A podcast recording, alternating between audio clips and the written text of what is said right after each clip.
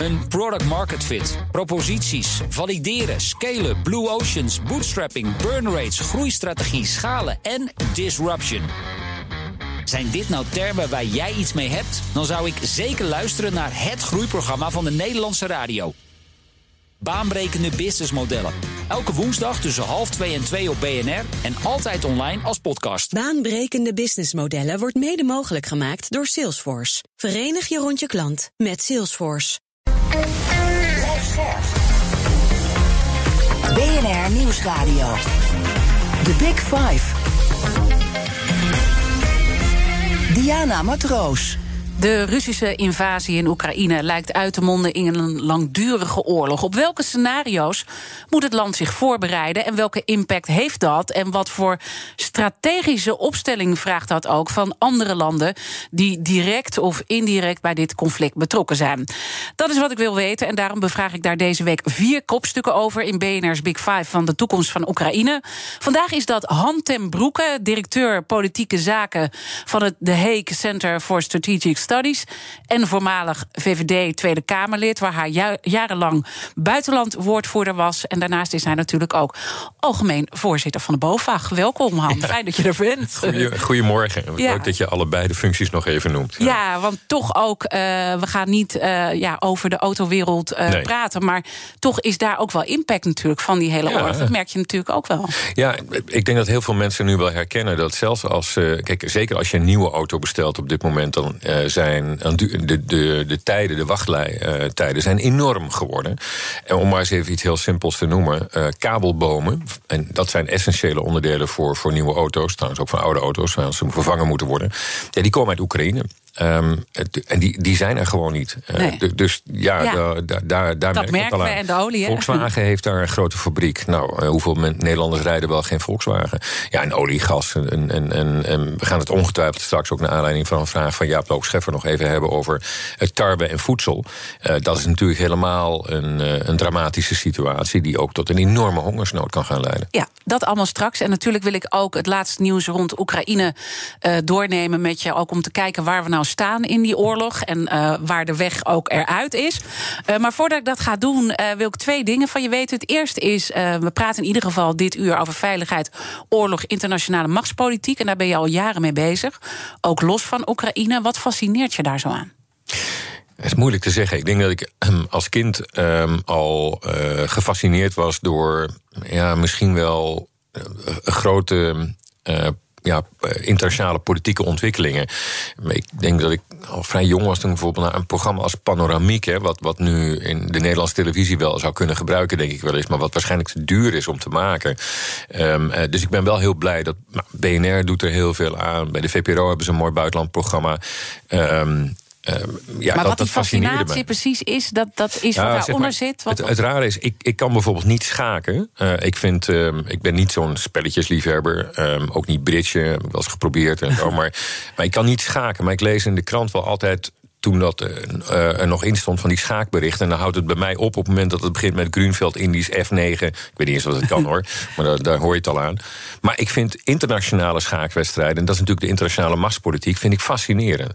Dus dat is wel iets wat ik altijd uh, ja. heb gevolgd. Ja. En dan het tweede wat ik van je wil weten, als je dan nu kijkt naar de oorlog, hè, ruim twee maanden nu bezig, vanuit dat. Uh, schaakspel, uh, hè, wat je eigenlijk benoemt. Wat fascineert je dan het meeste? Wat, als jij uh, zit na te denken, wat, wat is jouw gedachte dan met name? Wat hier zo um, um, belangrijk is, en volgens mij zei Jaap de Hoop Scheffer het gisteren ook bij je, is dat uh, 24 februari, ik neem maar even letterlijk zijn woorden over, uh, de geschiedenis zal ingaan en ook de geschiedenisboeken in moet als het moment waarop uh, ons Europese continent niet alleen overvallen werd door iets waarvan we niet dachten dat we er goed van verlost waren, namelijk een, een, een oorlog, een, een full-scale oorlog, niet een burgeroorlog zoals in de Balkan, nee, een, een, een oorlog tussen twee staten, waarvan er één een nucleaire staat is, en waarvan de uitkomst um, direct ook bepaalt um, hoe volgende generaties in deze 21ste eeuw op dit continent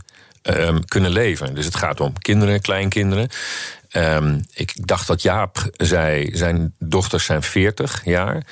Um, dus dat is een beetje, zijn wat jonger dan ik ben, maar een beetje mijn generatie zou ik dan mm. nog kunnen zeggen. Die hebben de val van de muur dan misschien niet bewust, maar nog wel meegemaakt.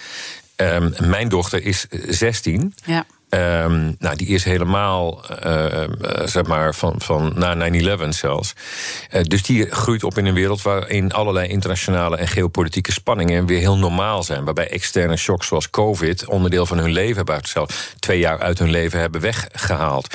Ja, ik vind het van heel groot belang, en ik hoop ook dat we dat in dit gesprek aan de orde kunnen hebben, dat wij Europeanen um, nu zelf het lot in handen nemen eh, dat ons nu toevalt en wat door de Oekraïners nu bevochten wordt. Want het gaat daar om simpelweg een tegenstelling tussen de rules-based order, dus een, een, een orde, een veiligheidsorde die op regels gebaseerd is, waar wij voor zijn. Ja, waar we goed in zijn. En een orde die mij wel fascineert en waar ik tot op zekere hoogte ook wel begrip voor heb. Um, maar die uit de 19e eeuw komt. En dat is een orde met invloedssferen. En, en dat is een orde waarbij landen niet over hun eigen grenzen gaan, niet over hun eigen toekomst kunnen beslissen. En waarbij ze niet kunnen uitmaken van welke clubs of uh, uh, ze, ze deel uitmaken. Nou, als we die laatste orde niet willen hebben, dan mogen de Oekraïners nu niet verliezen een heel duidelijke stelling die je al inneemt. En dat geopolitieke spel is zeer boeiend. Dus daar gaan we in het tweede deel van ons gesprek uitgebreid nog uh, over praten. Ook naar aanleiding van een vraag van Jaap de Hoop Scheffer, voormalig NAVO-baas. Maar laten we eerst eventjes naar de oorlogsscenario's kijken. En daar ook uh, het laatste nieuws meteen uh, bij pakken. Allereerst, in welke fase van de oorlog zitten we nu? dit, dit is zeg maar fase drie. De eerste fase was de aankondiging van Poetin om eigenlijk Oekraïne als staat van de kaart te vegen, regime change door te voeren en daarmee Kiev in te nemen. Totaal mislukt. De tweede fase van de oorlog is er een waarbij uh, de Russen uh, proberen in ieder geval Donetsk, Lugansk. Um, uh, dus zeg maar even de Donbass, dat is wel iets groter dan die twee oblasten, die twee provincies. En een, een corridor naar het zuiden te realiseren, waardoor ze een verbinding kunnen krijgen, een landverbinding, een corridor uh, van de Krim uh, tot aan uh, Oost-Oekraïne. Um, daarmee zouden ze een enorme hap uit dat land hebben genomen en zichzelf altijd in de positie hebben gebracht om, om dan, als dit een, een wat het nu dreigt te worden, een, een conflict uh, met een, een onduidelijke scheidslijn, die, waar op dit moment hard gevochten wordt, mm -hmm. maar waar ze dat niet eindeloos kunnen volhouden, uh, om altijd weer opnieuw Oekraïne aan te grijpen. En uh, zoals we weten um, zal, zal Poetin niet ophouden bij dit deel. Dus als hij de kans krijgt, en hij zou via het zuiden ook nog weer uh, zijn begeerige oog op Moldavië kunnen laten vallen, waar die begin van de jaren negentig ja. al een klein strookje Transnistrië de facto heeft ingenomen, dan zal hij dat doen. Dus um, het komt er nu op aan, en dat is ook belangrijk wat er in de Europese hoofdsteden hierover gezegd wordt, en ook daar zegt Jaap gisteren iets, iets Jaap de iets bijzonders. Iets wat ik zeer steun. Mm -hmm. Dat er een verschil lijkt te gaan ontstaan tussen wat je hoort in Berlijn, Parijs. Nou, Den Haag zegt nog niet zoveel. En wat je hoort in Londen en in Washington. En in mijn ogen kan het niet zo zijn hoeveel ik ook de waardering die Jaap gisteren ook uitsprak voor de Amerikanen deel. Want wat ze doen eh, is, is fenomenaal. Op een continent dat het onze is. Is dat we niet voor de derde keer in 75 jaar kunnen toestaan dat de, de, de, de de veiligheidsorde op ons eigen continent door Amerikanen en door Britten zal worden bepaald. Dat moeten we nu echt zelf doen. Dus dit is een moment waarop Europa ja. um, uh, geopolitiek uh, moet volwassen worden. Dit, ja, dit is, maar kunnen we dat? Kunnen we dat? Want, want ja, dat kunnen we. En dat, dat vertrouwen. Want we hebben altijd gezegd: we kunnen niet, we hebben de Amerikanen nodig. En hebben we ook. Ja, uh, ik, ik ben dus tegen bijvoorbeeld um, uh, het begrip strategische autonomie. Ik ben al jaren, een jaar of vijf, zes, enorme pleitbezorger van strategische soevereiniteit. Nou, de gemiddelde luisteraar, ben ik bang, is nu afgehaakt. Maar het verschil tussen die twee is heel cruciaal. Autonomie wil eigenlijk zeggen: we kunnen het zelf. Nou, we kunnen niks zelf. Dat blijkt nu wel. De Amerikanen wilden weg uit ons continent. En ze komen met tienduizenden soldaten weer terug. Van de Baltische Zee tot de um, uh, de, de, de, Zwarte Zee komen er honderdduizend um, Amerikaanse soldaten worden weer opnieuw gelegerd aan de, aan de oostgrenzen van de NAVO. Um, en dat niet alleen het omgekeerde als wat Poetin had willen uh, bereiken. Mm -hmm. Maar het lijkt ook op de dagen die we kenden in de Koude Oorlog. Dus de Amerikanen wilden het niet. Voor de Amerikanen geldt maar één ding. En voor Joe Biden, dat is China, China en nog eens China. Daarom is hij overhaast op een holletje weggegaan uit Afghanistan. Nou, je hebt gezien wat daar is gebeurd. Kabul is een kleine luchthaven die Europese partners van de Amerikanen nog geen twee uur in handen hebben weten te houden. Ondanks het feit dat die die, die, die, het vertrek van de Amerikanen was al vier jaar van tevoren aangekondigd. Ze hebben dat op een holletje gedaan en ze hebben het niet goed gedaan. Mhm. Eh, maar wij konden helemaal geen alternatief daartegen Omdat we zelf helemaal geen regie hebben genomen in dat verhaal. Geen regie, geen bereidheid um, en, en, en geen vermogen. Dus Europeanen die zeggen we moeten nu op defensiegebied, op veiligheidsgebied, moeten we naar autonomie streven, die houden uh, zichzelf een uh, illusie voor.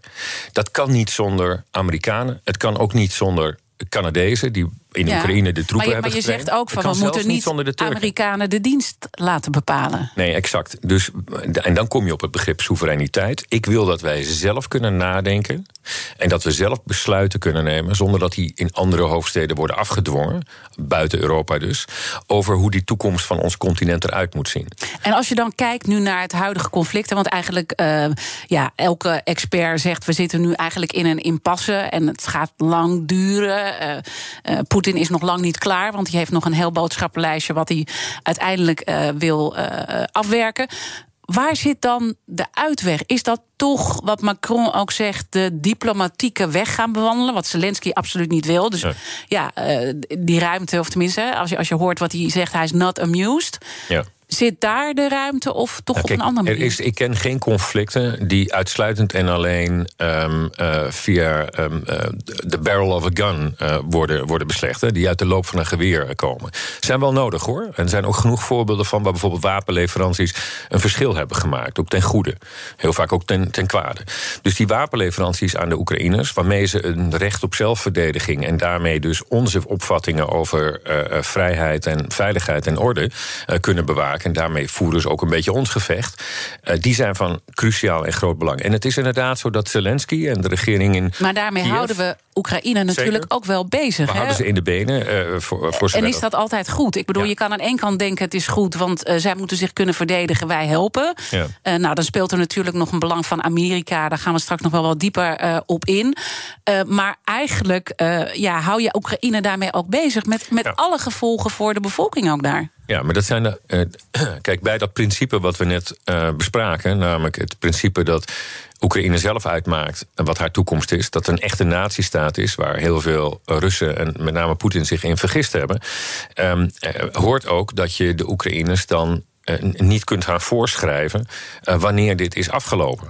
Ja, maar ja, door dus ze heel erg te zelf. helpen. Ik bedoel, in Duitsland zie je een heel stevige morele discussie ook over het uh, sturen van die zware wapens. Zeker. Moeten wij dat niet hier ook veel meer uh, voeren?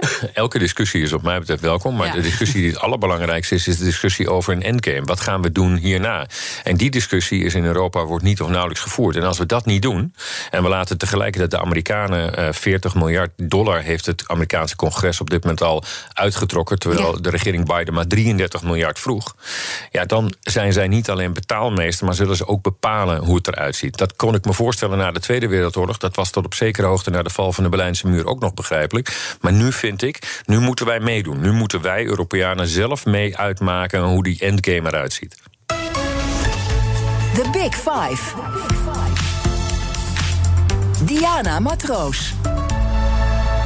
Mijn gast is Han ten Broeke, directeur politieke zaken van het Den Haag Centrum voor Strategische Studies. Wij moeten dus de endgame bepalen. Uh, als we dan daarnaar kijken, wat zouden we dan moeten doen? Nou, in de eerste plaats, wat ik al zei, uh, die, die wapenleveranties moeten doorgaan omdat Oekraïne mag niet verliezen. Uh, wat winst is, dat maken wij niet uit. Dat wordt in hoge mate door de Oekraïners zelf bepaald. Overigens heeft Zelensky af en toe wel eens laten doorschemeren dat daar met hem over te praten valt. Hè. Hij heeft aangegeven dat hij met Poetin uh, wil samenzitten. Die bereidheid is er. Uh, er zijn genoeg conflicten waar leiders geen bereidheid hebben om elkaar te ontmoeten.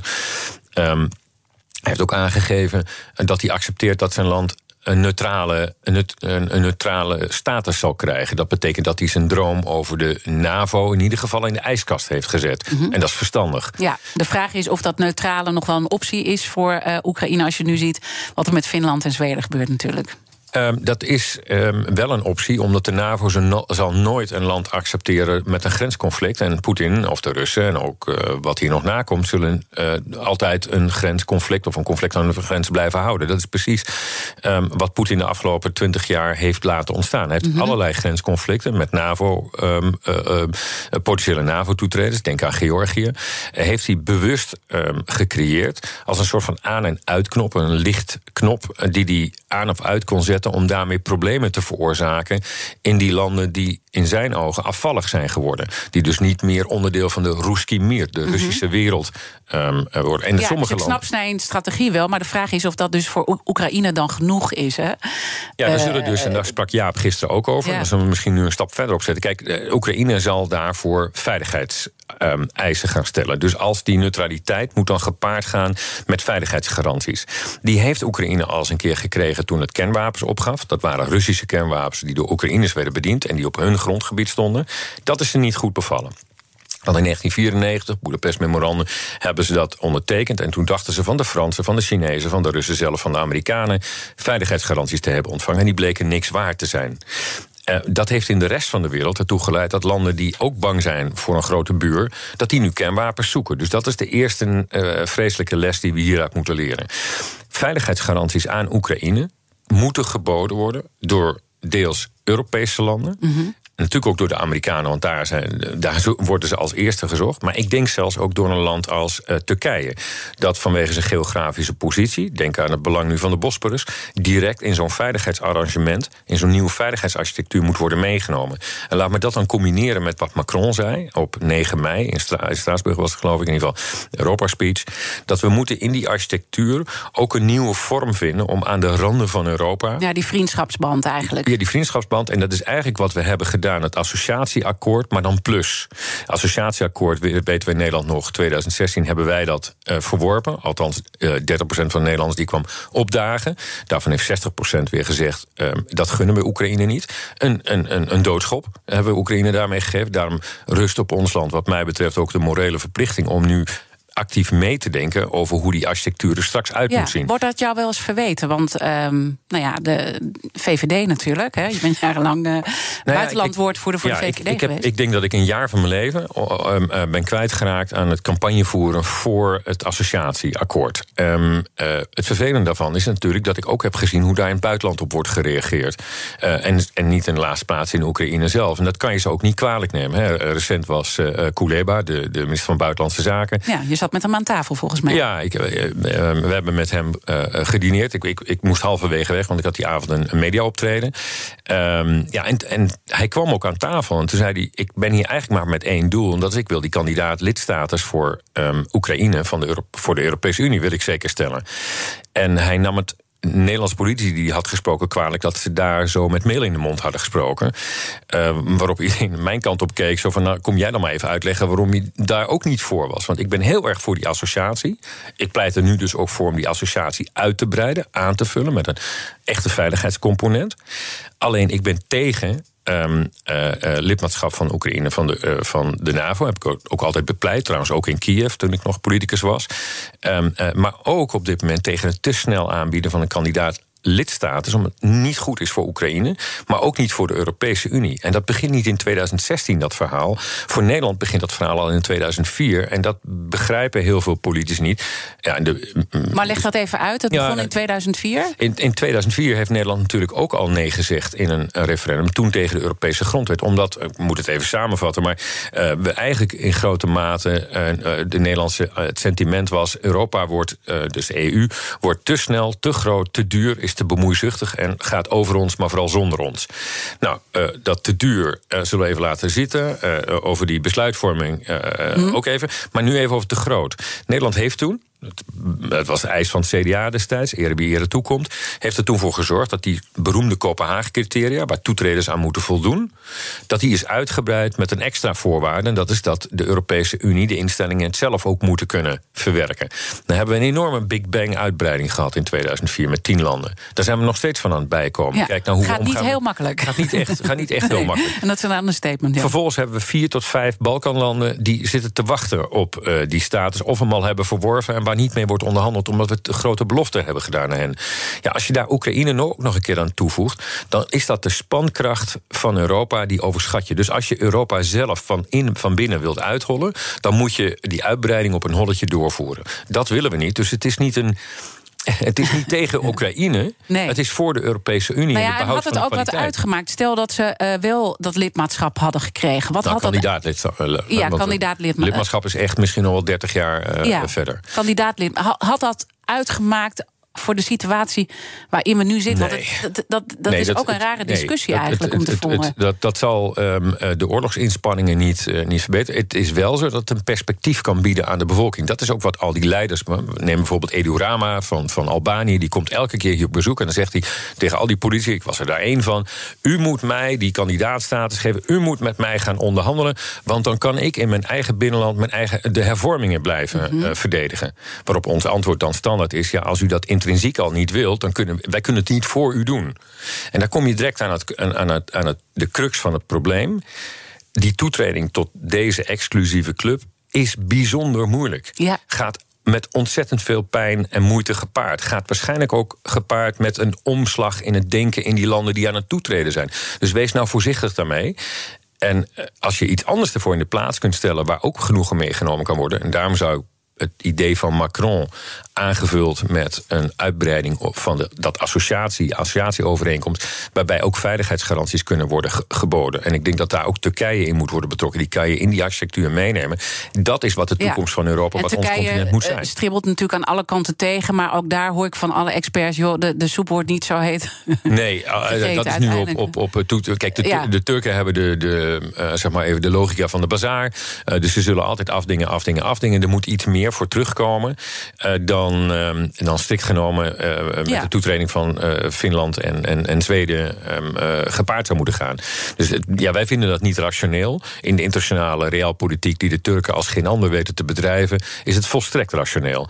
En uiteindelijk kan je dat, kan je dat ook wel leveragen. Dus de Amerikanen gaan daar ook daar weer gaan, Ja. ze, gaan ze dat oplossen voor ons. Nou, mijn vraag is. Wanneer gaan we dat zelf oplossen? Uh, en, dat zeg ik ook tegen degenen die altijd voor autonomie pleiten. Dat ze nu eindelijk eens een keer erkennen dat we dit met Amerikanen moeten doen. Met andere uh, westerse landen. Misschien zelfs met de Turken. Ja, maar toch wel een beetje minder Amerikanen. Want daarin Ja, ja. eh, merk Nee. ik dat jij ook een beetje aan het bewegen bent... de ene en de andere Nee, kant nee op. dat, dat is dat verschil tussen autonomie, namelijk eh, eh, eh, helemaal zelf doen, en, en strategische soevereiniteit, waarbij je wel zelf nadenkt en besluiten neemt, maar waarbij je erkent dat je voor de oplossingen, voor de middelen, voor de assets, als je dat in defensietermen of in militaire termen uitdrukt, voor die assets zul je moeten samenwerken binnen de NAVO, bijvoorbeeld met, met niet-Europees of niet-EU-landen. Want ga maar eens na. Wat zijn de landen die op dit moment, even los van de Baltische Staten en Polen, wat zijn de landen die Oekraïne het meest helpen? En daar ook al mee begonnen waren voor 24 februari. Dat zijn niet EU-lidstaten. Dat is niet Nederland. Dat is Canada, dat is Turkije, dat is het Verenigd Koninkrijk en dat zijn natuurlijk de Amerikanen. Allemaal niet EU, allemaal wel NAVO. En dat is een aanwijzing voor waar we die veiligheidssamenwerking moeten zoeken binnen de NAVO. Laten we daar dan zo meteen over verder praten. En ook wat het grote geopolitieke spel is... wat op dit moment gespeeld wordt. Want de wereldorde verandert ook als we kijken naar de toekomst eh, van Oekraïne.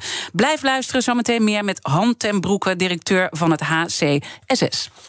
Een product market fit, proposities, valideren, scalen, blue oceans, bootstrapping, burn rates, groeistrategie, schalen en disruption.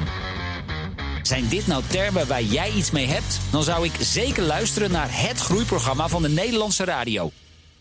Baanbrekende businessmodellen. Elke woensdag tussen half twee en twee op BNR en altijd online als podcast. Baanbrekende businessmodellen wordt mede mogelijk gemaakt door Salesforce. Verenig je rond je klant met Salesforce. BNR Nieuwsradio. The Big Five. Diana Matroos. Welkom bij tweede half uur. Deze week praat ik met vier kopstukken uit de wereld van Oekraïne. En we gaan met name kijken wat nou de toekomst is van Oekraïne, maar ook de impact die het heeft op ons allemaal. Later deze week praat ik nog met internationaal strafrechtadvocaat Geert-Jan Knoops over het bewijsbaar maken van oorlogsmisdaden in Oekraïne. Abonneer alvast op onze podcast via je favoriete podcastkanaal, want dan mis je geen aflevering van ons. Mijn gast vandaag is Han ten Broeke, directeur politiek geopolitieke zaken van de Hague Center for Strategic Studies. Komend half uur wil ik in ieder geval nog twee onderwerpen met je bespreken, namelijk de slagkracht van de NAVO en de impact op de wereld en de geopolitieke orde als het gaat om de oorlog Oekraïne.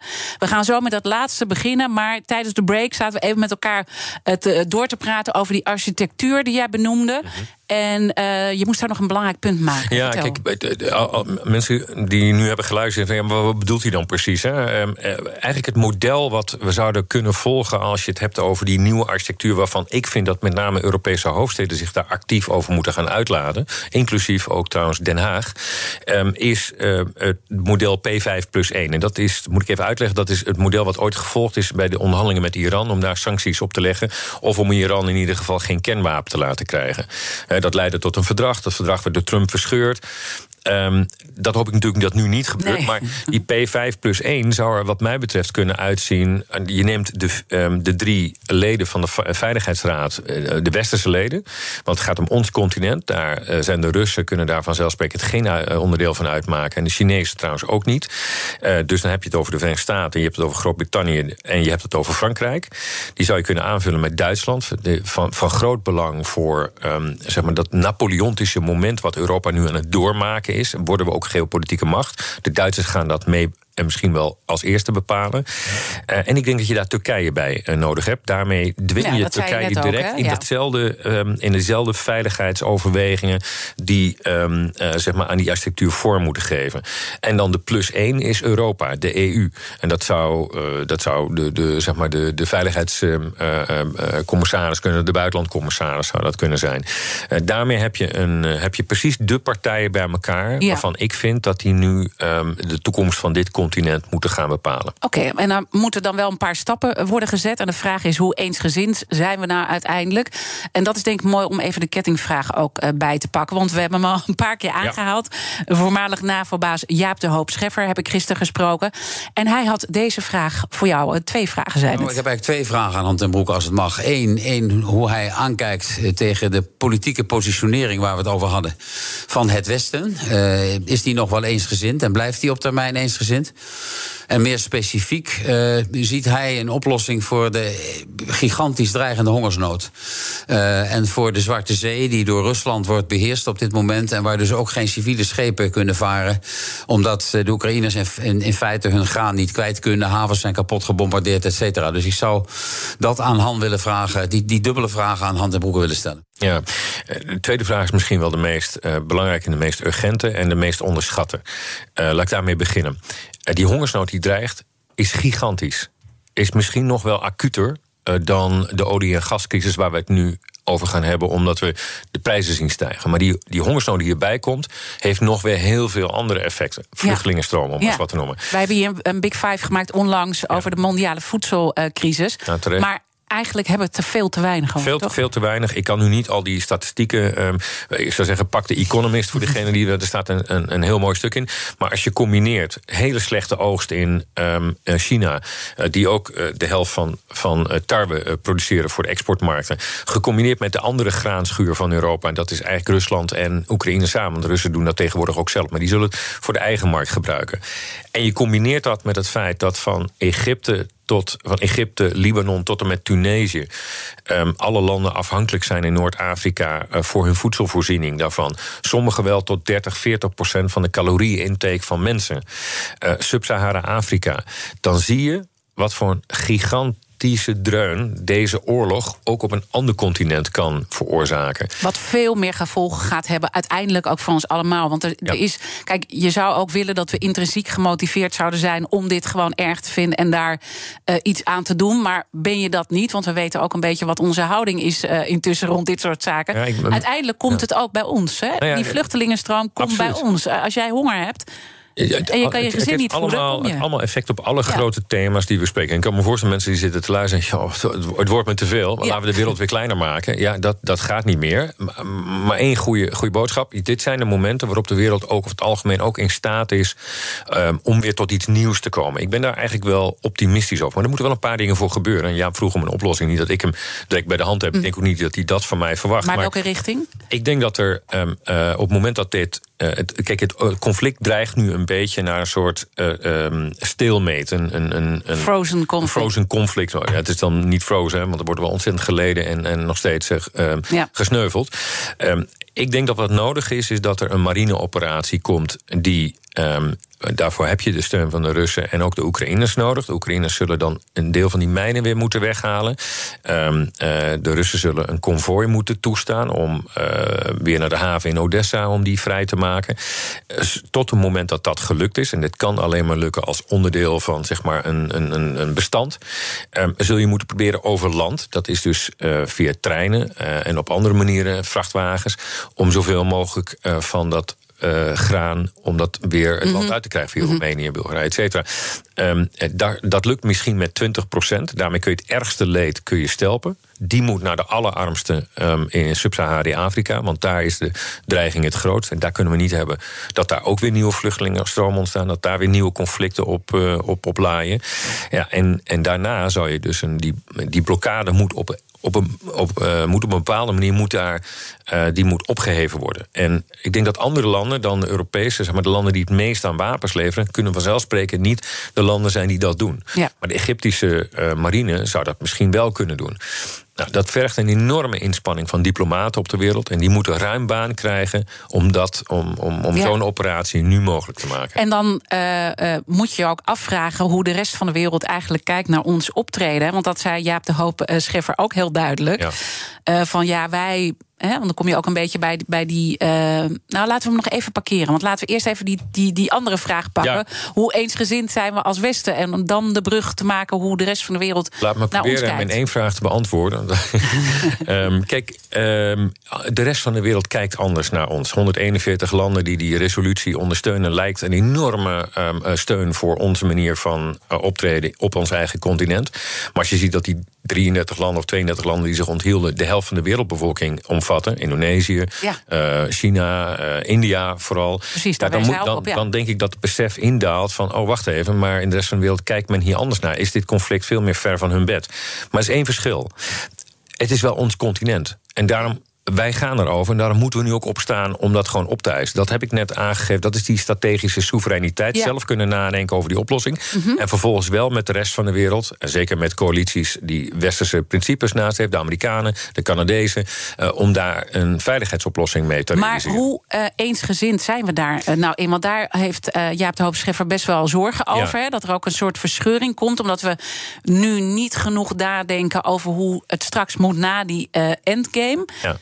Deel jij die zorg? Ja, want waar hij, hij zegt het volgens mij nog wat subtieler dan ik het nu doe. Maar um, uh, hij zegt er zit een verschil tussen wat je hoort in Washington. Met, uh, Austin bijvoorbeeld, de minister van Defensie, die had over degrading van de Russische um, mogelijkheden om nog weer ooit op te staan. Dus de, de, de, de Britten die langs die lijnen lijken te denken. Tris, um, Liz Truss, de, de, de minister van Buitenlandse Zaken, met een hele bijzondere speech.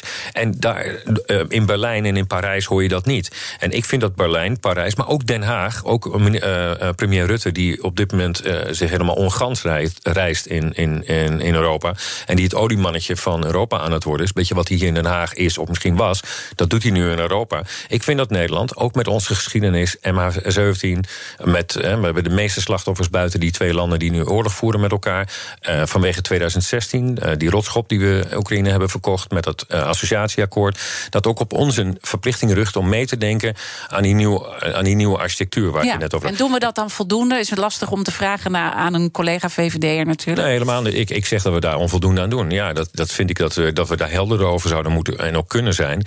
En daarmee, um, als, kijk, als Europa zich iets breder maakt, dan leidt dat er ook toe dat we um, minder. Um, uh, als we minder af, afwachtend zijn, is de kans ook groot dat we iets meer eenheid uh, uh, weten te produceren. Dus nu hebben we bijvoorbeeld vijf sanctieronden gehad met grote eenheid die niemand had, had verwacht mm -hmm. Van de Europese mm -hmm. Unie.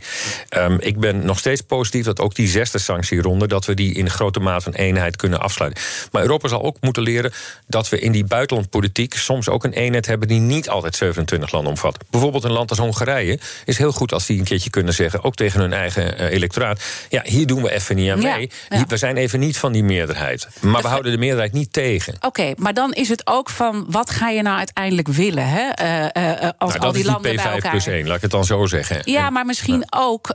Um, want daar spraken we eerder ook over. Wij houden ook Oekraïne bezig in deze eh, oorlog. Uh, wij, wij, steunen. Uh, ja, en die steun kunnen we aan één kant ook goed gebruiken.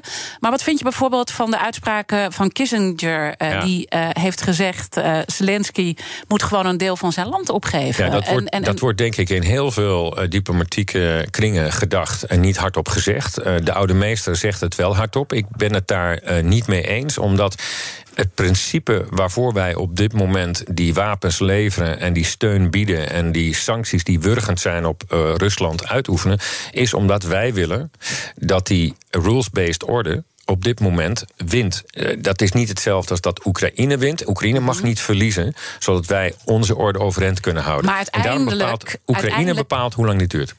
Ja, maar uiteindelijk is Rusland toch gewoon te sterk als het gaat uh, militair om, om uiteindelijk gaat, gaat Oekraïne toch aan het. Wat, wat iedereen Deze over week is heel positieve uh, successen iedereen uh, benoemt. Ja. Um, ja, als je naar de realiteit kijkt. Ja, kijk, we moeten we afwachten. We hebben totaal overschat hoe sterk het Russische leger was. Ook het Russische leger um, heeft een adempauze nodig. Die kunnen niet eindeloos op deze manier doorvechten. Uh, maar het is evident dat deze week Oekraïne uh, een behoorlijk wat um, tegenslagen te verduren heeft gehad. Het zal een, het zal een, een race worden tussen Russen die op adem moeten komen. En dus mhm. niet heel erg kunnen doorduwen. En de Oekraïners die nieuwe westerse wapens in gebruik kunnen nemen. Mhm. Om daarmee in ieder geval. En dan kom ik weer uit op Kissinger. Want hij noemde dat status quo ante. Een heel moeilijke omschrijving is van. Althans, zo vertaal ik het dan maar even. Um, als we teruggaan naar 24 februari. Uh, dus dan dat we in de originele situatie zitten van 24 februari. Altijd nog met de Minsk-akkoorden en ja. Krim is dan weg. Dan zou het voor hem al goed zijn. Ja. Maar ik denk dat dat een moment is voor misschien een bestand. Ja. En dan, uh, maar, maar is in alle eerlijkheid niet ook dat we met z'n allen heel erg moeilijk vinden om dit te zeggen. Dat misschien Oekraïne een stuk van zijn land moet opgeven. Eigenlijk als je ik zeg het ook niet, omdat ik het ook echt niet vind. Ik vind ook dat de Oekraïners zelf dat moeten bepalen. En ik denk eerlijk gezegd dat het realisme in Kiev... Mm -hmm. um, uh, ook groter is dan men op dit moment kan zeggen. Uh, dus nu 82% van de Oekraïnse bevolking is van mening dat er doorgevochten moet worden. Maar als er geen winst meer wordt geboekt en geen uitzicht meer is, dan kan ook dat veranderen.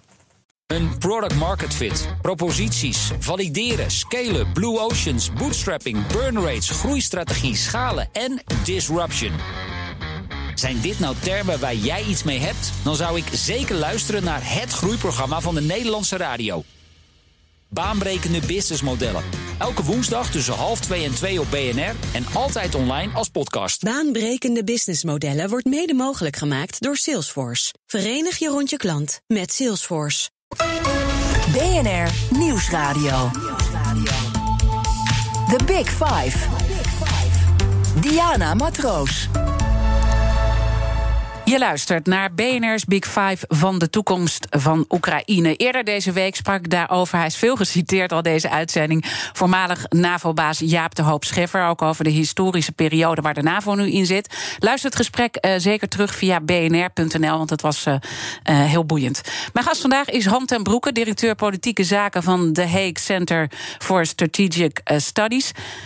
Ik denk dat wij het wordt vechten met de tijd vandaag. Dus laten we eerst even ja. onze huiswerk doen. En de kettingvraag doorpassen. Want je mag een korte bondige vraag stellen aan mijn volgende gast. Dat is internationaal strafrechtadvocaat Geert-Jan Knoops. Die spreek ik overigens vrijdag, want vanwege hemelvaart hebben we morgen geen uitzending. Wat zou je hem willen vragen? Nou, ik zou aan Geert-Jan um, willen vragen hoe hij aankijkt tegen dat proces. Dat eerste proces wat de Oekraïners nu hebben gevoerd tegen een Russische militair. Die terecht stond voor oorlogsmisdaden. Uh, is een tankcommandant. Uh, en hij wordt ervan beschuldigd dat hij ongewapende uh, uh, burgers, een, bejaarde man, zou hebben omgebracht op 28 februari, dus vlak na de interventie. Hoe um, hoe Gert-Jan daar tegenaan kijkt. Want dit is natuurlijk, eigenlijk is het, zou dat een krijgsgevangene moeten zijn. En die zou dus voor een militair uh, tribunaal moeten worden gebracht. En omgekeerd, als hij die vraag heeft beantwoord, hoort daar ook bij het spiegelbeeld wat er dan moet gebeuren met de krijgsgevangenen die door Rusland zijn gemaakt. Bijvoorbeeld in Mariupol, het beroemde, beruchte moet ik ondertussen zeggen, maar beroemd voor de Oekraïners, uh, uh, Azovstal-complex.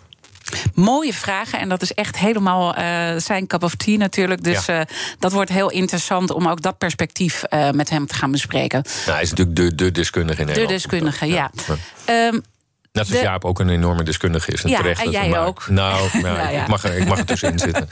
Plaatje slaan. Ja. Nou ja, laat- laten we eh, in de krap eh, zes minuten die we nog hebben... eh, proberen toch nog even die geopolitieke Mhm. wereldorde... en daarbinnen ook de NAVO. ehm, hè, want je hebt al gezegd, laten we wel met hulp van Amerika... maar laten we Amerika ook niet te veel de dienst laten uitmaken. We denken voor onszelf. En in onze uitvoering hebben we de Amerikanen nodig. Ja. En, en nou ja, dan zien we natuurlijk ook wat er allemaal met de NAVO qua verschuivingen eh, plaatsvinden. Met de uitbreiding van Finland en Zweden, waar we het al even hebben over gehad. Met Turkije, ja, daar, daar zullen we uiteindelijk wel ehm, eh, uitkomen. Ja, Uiteindelijk. maar dat betekent dus ook dat de Nederlanders moeten accepteren. Ja. En dat vinden we heel lastig, hè? Ja. Dat de Turken gewoon meedoen. De Turken die eh, in onze ogen natuurlijk foul play. eh, ehm, eh, dat is wel de manier waarop het in de wereld gaat. Dus wij zullen ook geopolitiek wat meer realpolitici moeten worden. En Nederland zal moeten leren dat geopolitiek ons leven meer dan iets anders beïnvloedt. We hebben het net al gehad over honger. We hebben het gehad over gasprijzen. We hebben het gehad over olie. De inflatie. Ehm, mensen moeten bezuinigen. Dus geopolitiek komt direct thuis. Ik had de hoop dat we dat in 2014 die les hadden geleerd. Hè, want Ja. toen hebben we natuurlijk MH17. Nou, in, in dat vliegtuig zaten veel ook bekenden van mij. hè, Een, een goede vriend van mij, waar ik op het. eh, oh, mm, eh, die, die, ehm, die daar weer iemand kennen waar we samen op een huwelijk zijn geweest. Nou, zo zijn er heel veel Nederlandse verhalen op dat vlak. In dat vliegtuig zaten eigenlijk mensen die ofwel voor Shell op reis waren, want dat is een Shell-vlucht, ofwel mensen die bijvoorbeeld naar Indonesië gingen, zoals het, het gezin wat ik dan kende. En eigenlijk staat dat een beetje model voor hoe Nederland naar het buitenland kijkt. Als een verdienmodel of een vakantiebestemming. En we moeten leren dat het buitenland dus ook een plek is waar je volledig onverwacht in een conflict je leven kunt verliezen, waar je misschien op het NOS-journaal nog nooit over had gehoord. Dat is die geopolitiek die nu zijn entree doet. Ja. Dat heeft met COVID hebben we dat ook gehad. Dat was een externe shock. En we zitten in hoogconjunctuur. eigenlijk ook een, een, een goede oefening over wat er Nou, nog is gaat komen. een, een, ja. een, een, een soort drill-oefening hebben we daarin gehad. Maar die hadden we dus kennelijk nodig. En nu moeten we geopolitiek gaan inprijzen. Dat moet zowel in het katshuis gebeuren, dus in de regering of in de treffenzaal. Maar ook in alle boardrooms van Nederlandse bedrijven. Maar waarom vinden we dat nou zo moeilijk? Want je zegt eigenlijk, we, we hebben dat besef helaas nog steeds niet. Na alles wat er is gebeurd. Ik bedoel, het begint misschien Ja. wel iets te kantelen, maar... En, en Nederlanders kijken naar het buitenland toch heel vaak, en ook Nederlandse politici naar het buitenland, of met een heel moreel oordeel, wat niet werkt, wat niet. Vingertje het vingertje, wat, wat ik, ik ben niet tegen een waardegedreven buitenlandpolitiek. Dat, dat, die veroordeling krijg je dan direct. hè, Van die mensen die heel graag de hele dag ehm, de rest van de wereld de maat willen nemen. Alleen het punt is, in het buitenland hebben wij niet, zoals in het binnenland, kunnen we niet dezelfde normen, waarden eh, eh, recht op, op, op- opleggen. Er is wel een internationale rechtsorde, maar je ziet alleen in Oekraïne hoe moeilijk het is om die te bewaken. En als je daar de meest rudimentaire vormen van overeind kunt houden, is dat al in ons belang.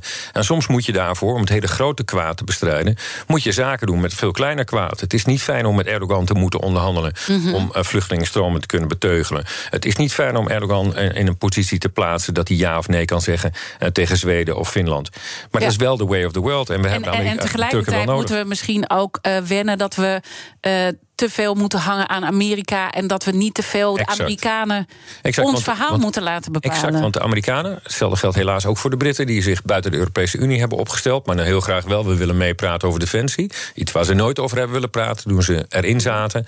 is dat we, we kunnen niet door een anglo-saxische bril... want die wordt uiteindelijk gedreven door eh, kiezers en belastingbetalers... in Kansas of in, ehm, eh, of, of in Edinburgh. En dat moeten wij dus zelf willen doen. ja, dus maar we zijn ook verslaafd aan dat Amerikaans. Hè? Dat, dat, nou, dat- ja, Ik, ik dus niet. Graag Nee, wordt nee, mij nee, dat voor mij wel eens oh, oh, verweten. ja. Ik ben heel erg. ehm, ik, ik bedoel, ik zal de Amerikanen niet makkelijk kritiseren, want ze hebben die moeilijke rol van politieman in de wereld veel te lang op zich moeten nemen, omdat wij te beroerd waren om het te doen. Mhm. Maar nu onze defensieuitgaven omhoog gaan. Nu Duitsland heeft is afgestapt van zijn Oostpolitiek. Mhm. Nu ook wij, eh, zeg maar, wat je dan ehm, eh, eh, wat, wat realistischer worden op hoe om te gaan met autoritaire ehm, of zelfs di- dictaturen aan onze grenzen.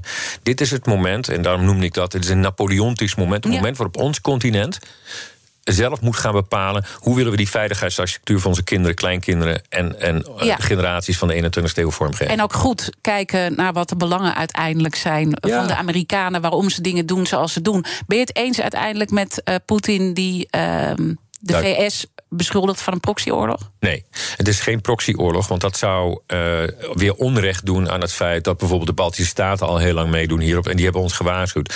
Het doet onrecht aan de Polen eh, die volop meedoen. Het doet onrecht aan de Canadezen die de troepen daar hebben getraind. Iets wat wij ook hadden kunnen doen de afgelopen jaren.